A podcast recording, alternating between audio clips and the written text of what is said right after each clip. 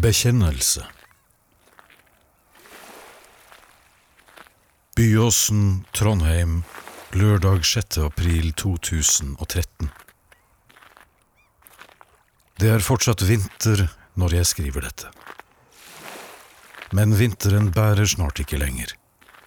Jeg merker det så tydelig her jeg går ved sjøkanten.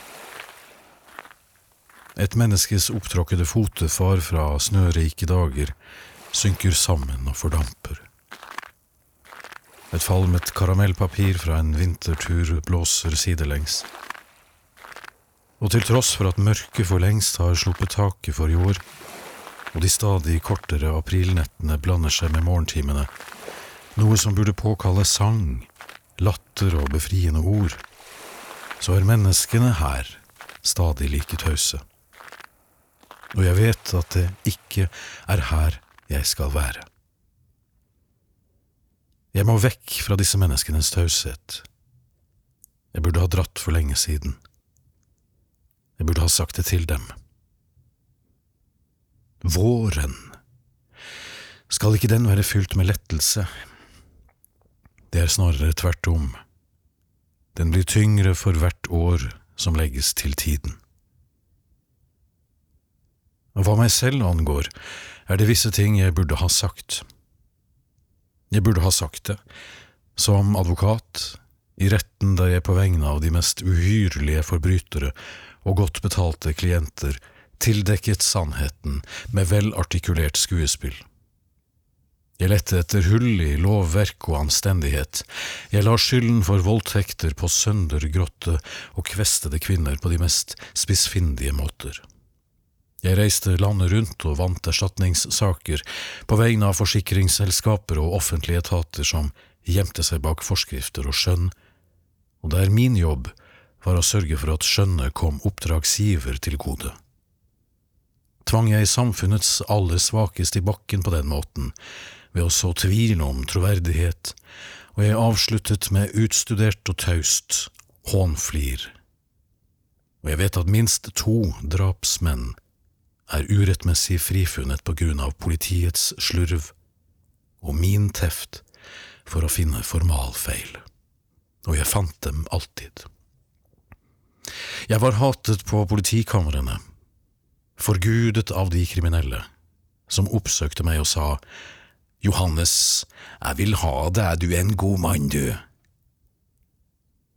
Jeg takket alltid ja til de mest utfordrende av dem, de seigeste og mest bestialske. Og slik har jeg holdt på, i tiår etter tiår. Men innvendig ble jeg mer og mer klar over hva jeg drev med.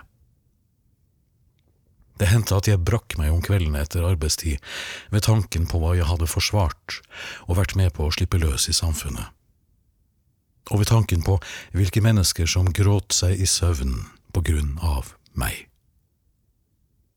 Enhver motbydelig forbrytelse har krav på et forsvar. Ja, slik er vårt kostbare demokrati og vår sivilisasjon fundamentert. Jeg har elsket å fremstille det slik. Men sannheten er at vår anstendighet er tatt av dage av slike som meg. Mennesker som forsvarer og tar seg betalt for at løgnen skal gå seirende fram og at offeret skal få med seg et siste usynlig slag, etterfulgt av latter fra tiltalebenken og et diskré smil fra meg. En slik mann har jeg vært. Jeg burde ha sagt noe om det før det var for seint, men grådigheten og feigheten steg meg til hodet. Inntil de til sist ble min identitet, mitt innerste voksne jeg, og hvem vil vel miste sitt sanne jeg når man omsider har funnet det? Det var slik jeg ble en svært ynkelig og feig mann.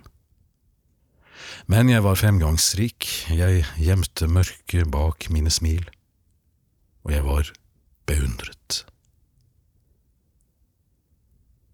Ikke bare som advokat, men også som ektemann etterlater jeg meg et kjølvann av taushet. Kanskje er det dette siste som er det verste. Nå er jeg enkemann og jeg angrer på tausheten min, feigheten. Ord jeg burde bedt om forlatelse for ikke å ha sagt. Tanken preger meg hver eneste time av døgnet. Jeg får aldri fred. Jeg har vært hos terapeuter og hos presten. Jeg har sittet i dårlig selskap og i festlig lag. Jeg har betrodd meg de fleste steder. Men det blir ikke bedre. Alle møter meg med den samme tausheten eller de samme ordene, bare i ulik valør. Johannes, du må slutte å tenke på dette nå. Det finnes usagte ord som er mulige å se. Det er de som er de verste, fordi de kom så ugjenkallelig for seint.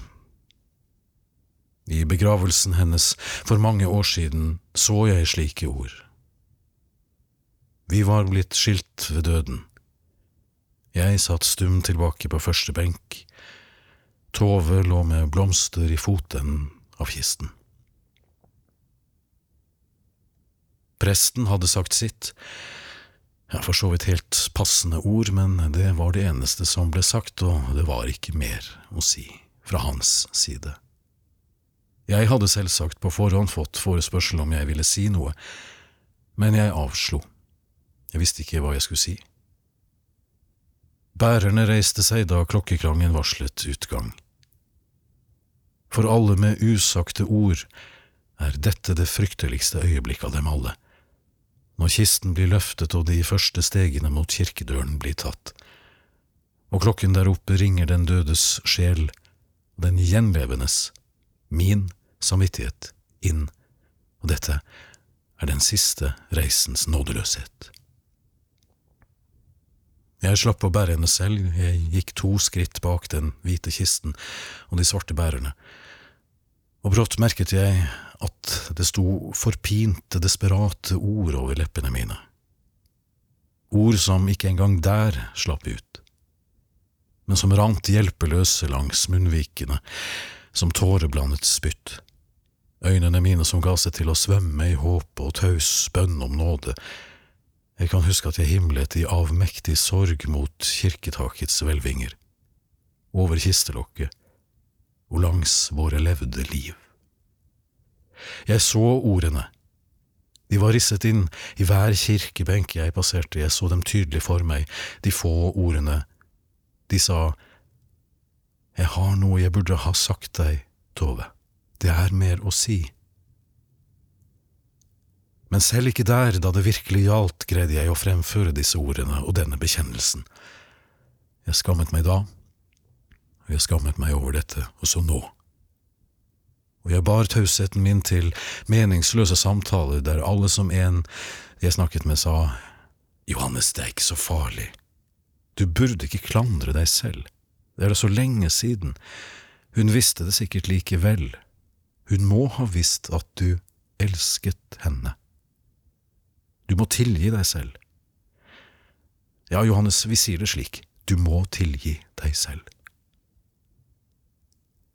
Det samme ble gjentatt hos presten, også han ønsket å frita meg for straffskyld da jeg omsider tok mot til meg og snakket over et år etter begravelsen. Han benyttet seg av sin rett til å be om synsforlatelse for tausheten min, og for dette forakter jeg ham. Det var ikke derfor jeg oppsøkte ham. Jeg kom dit for å bli klandret. Han satt tilbake med sin avskyelige fromhet og jeg gikk derfra med min avskyelige skam. Den siste sjansen til å bli bebreidet lå i omgang med mine aldrende svirebrødre fra studietiden. Jeg drakk meg gang på gang til mot og fra sans og samling, og jeg fortalte dem alle sammen hva jeg ikke hadde sagt henne. Jeg fortalte om det hele så sammenhengende jeg kunne, gang på gang fortalte jeg det men der og da ble galskapen fullendt. Alle mine forfyllede advokatvenner sa det samme. Johannes, du må ikke tulle noe mer nå. Det er ikke bra å rote for mye med det sånt der han. Mer hadde de ikke å si om saken. Slik er det med oss advokater. I retten er vi veltalenheten selv, men innvendig hule. Og jeg vandret hver morgen ustø hjem med en sorg som besatte meg og lammet nervetråder jeg ikke engang visste at jeg hadde. Jeg forbanner denne tausheten. Og nettopp derfor fortsetter jeg med å bebreide meg selv, fordi ingen andre gjør det. Fordi ingen gjorde det de burde, nemlig klandret meg for det jeg ikke sa, og alt hva jeg aldri fortalte henne klart og tydelig. De burde, alle som en har sagt, du burde skamme deg. Skam deg dypt og inderlig, Johannes. Vi fordømmer deg. Gå din vei. Vi vil ikke ha noe med deg å gjøre.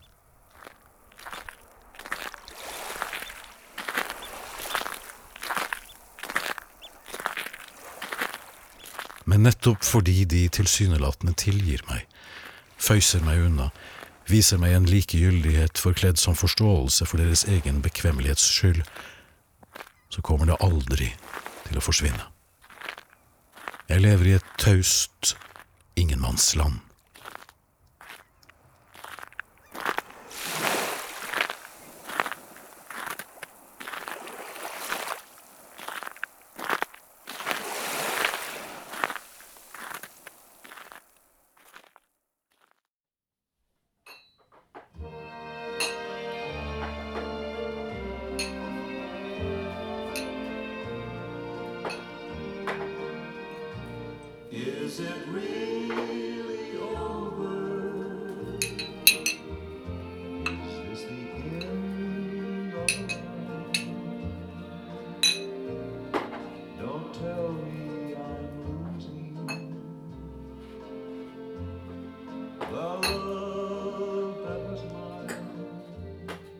Kålrulette til fire personer.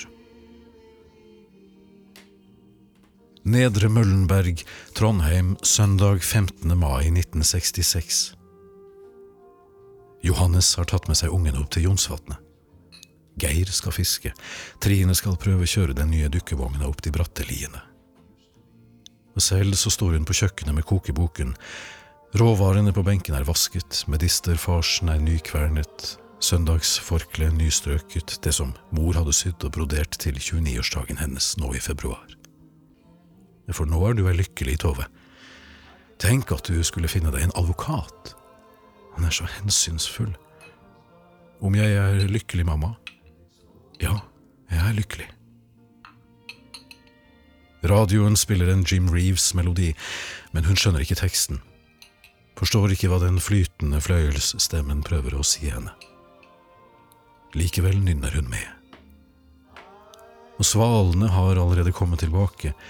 Hun kikker ut kjøkkenvinduet og ser dem seile over skipskranene på Trondheim Mekaniske Verksted.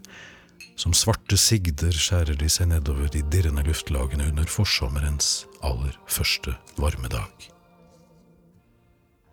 Hun blar opp i kokeboken. Plukk kålbladene fra hverandre, skjær dem løs ett for ett. Ja. De skal forvelles, raskt, kun to minutter.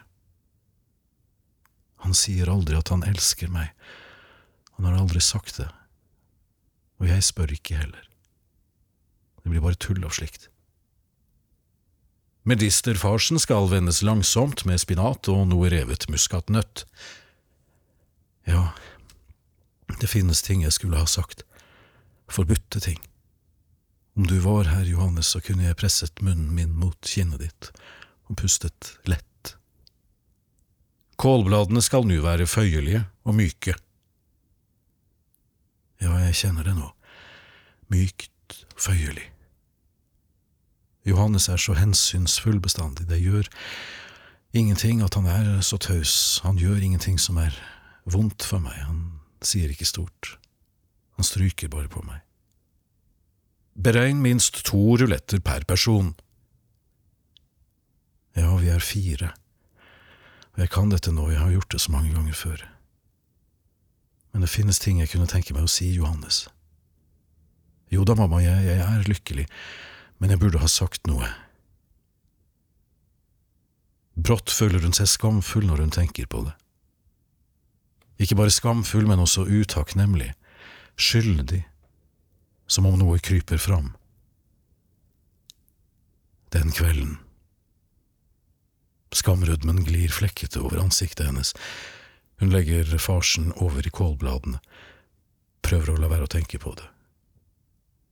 Hun kjenner fortsatt hvordan kjærtegnet fra den kvelden svir og svir langs hoftekammen, hvordan hun sulten og grådig lot seg kysse.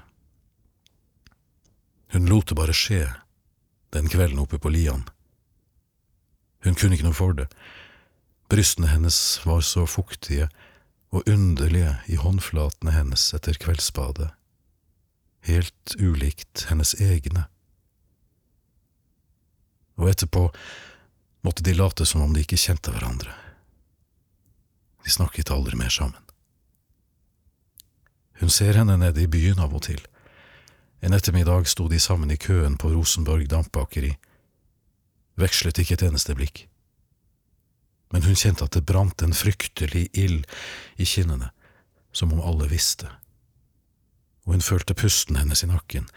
Det var forferdelig, det var ikke til å holde ut. Pusten hennes, som hun hadde kjent mot seg selv den kvelden. Nå hveste den bak henne og det var nær ved at hun hadde bøyd nakken bakover slik at hun der bak kunne ta for seg, mykt og føyelig. Og da det ble hennes tur i køen, så skalv hun så mye i stemmen at ekspeditøren måtte spørre to ganger hva hun skulle ha. Og med tre kneippbrød i posen snudde hun seg rundt, blikket festet mot utgangsdøren mens kåpeermene deres kom borti hverandre et øyeblikk. Og hun følte seg så grådig og utakknemlig. Hun har trukket ned skjørtet nå. Svalene piper. Hun kommer fort og svaiende med den ene hånd mellom bena og den andre mot kjøkkenbenken. Og det er da hun kjenner at det aldri kommer til å gå over. Aldri i hele verden. Og hun vet at hun aldri kommer til å spørre Johannes om han elsker henne, hun vil ikke vite det. Det er best at hun ikke vet det. Og det er best at han ikke spør heller. Det har blitt som det har blitt, og det er som det er. Det er bare utakknemlighet å ønske seg noe annet. Må du slutte å tulle, Tove. Det er ikke bra rot for mye oppi det der. Han. Hun retter seg opp, skyller hendene i springen ved utslagsvasken, de rå kålrulettene legges med skjøtene ned i en smurt og ildfast form, og der skal de stå på 180 grader i en halv time. Oppskriften er nedtegnet for lenge siden.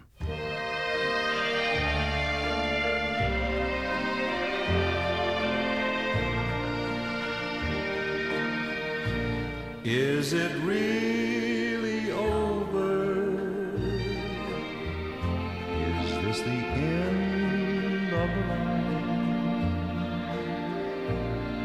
Don't tell me I'm losing. The love that was mine. If you're really leaving, take some part of me. So I'll always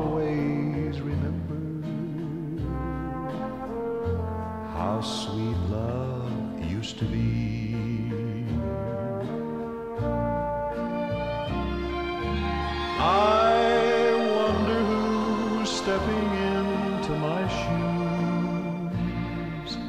Who can he be? I can tell by your eyes our love has died, and it's over for me.